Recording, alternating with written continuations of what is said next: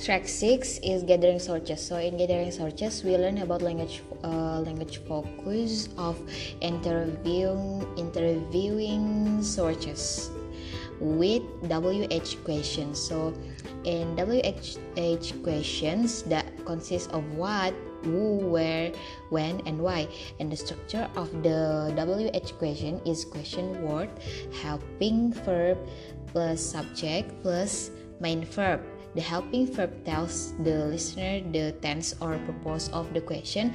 For example, where did he go? In this case, did is the helping verb that tell reader that this question is about the past and then interviewing interviewing sources reliability facts and opinion uh, we learn about the different types of sources there are uh, four types of sources uh, eyewitness uh, related people expert people and people in authority.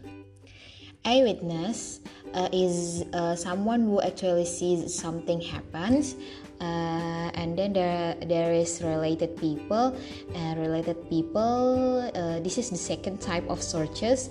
Related people is a person who is related to someone who plays uh, an important part in the story such as her or his family or friend etc and then there is expert an expert in the field of the story. For example the story we are looking at uh, is about a fire in a factory. So the expert uh, will probably probably uh, work in uh, work is uh, the fire safety.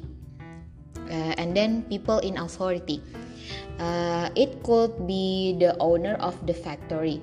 Uh, and these types of use uh, this type are uh, usually hardest to interview uh, because the person in authority might not want to talk about uh, what has happened but they can talk about the safety condition in the factory.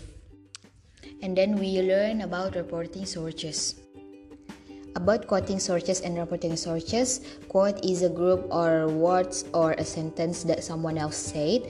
Journalists use quotes for two general reasons. So, uh, to show what person said and how they say it, uh, those will make a news more accurate. And also, we uh, learn about the different verbs that journalists use to reporting quote. It's, uh, it's important for journalists to pick the right reporting verb when including a quote in their article to summarize quotes uh, are an important part of many articles. A good writer does not use the same words over and over again, so it's important to pick a variety of reporting verbs. There are three different strategies to do note taking. The first is using abbreviations. Abbreviation is a shortened uh, form of a word or or phrase.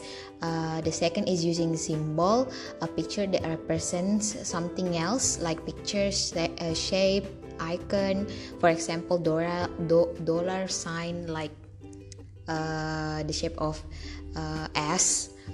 And the third uh, the last is using indentation indentation a line of of text begin farther to the right when taking notes. Indentation, indentation shows that this line is part of a larger idea.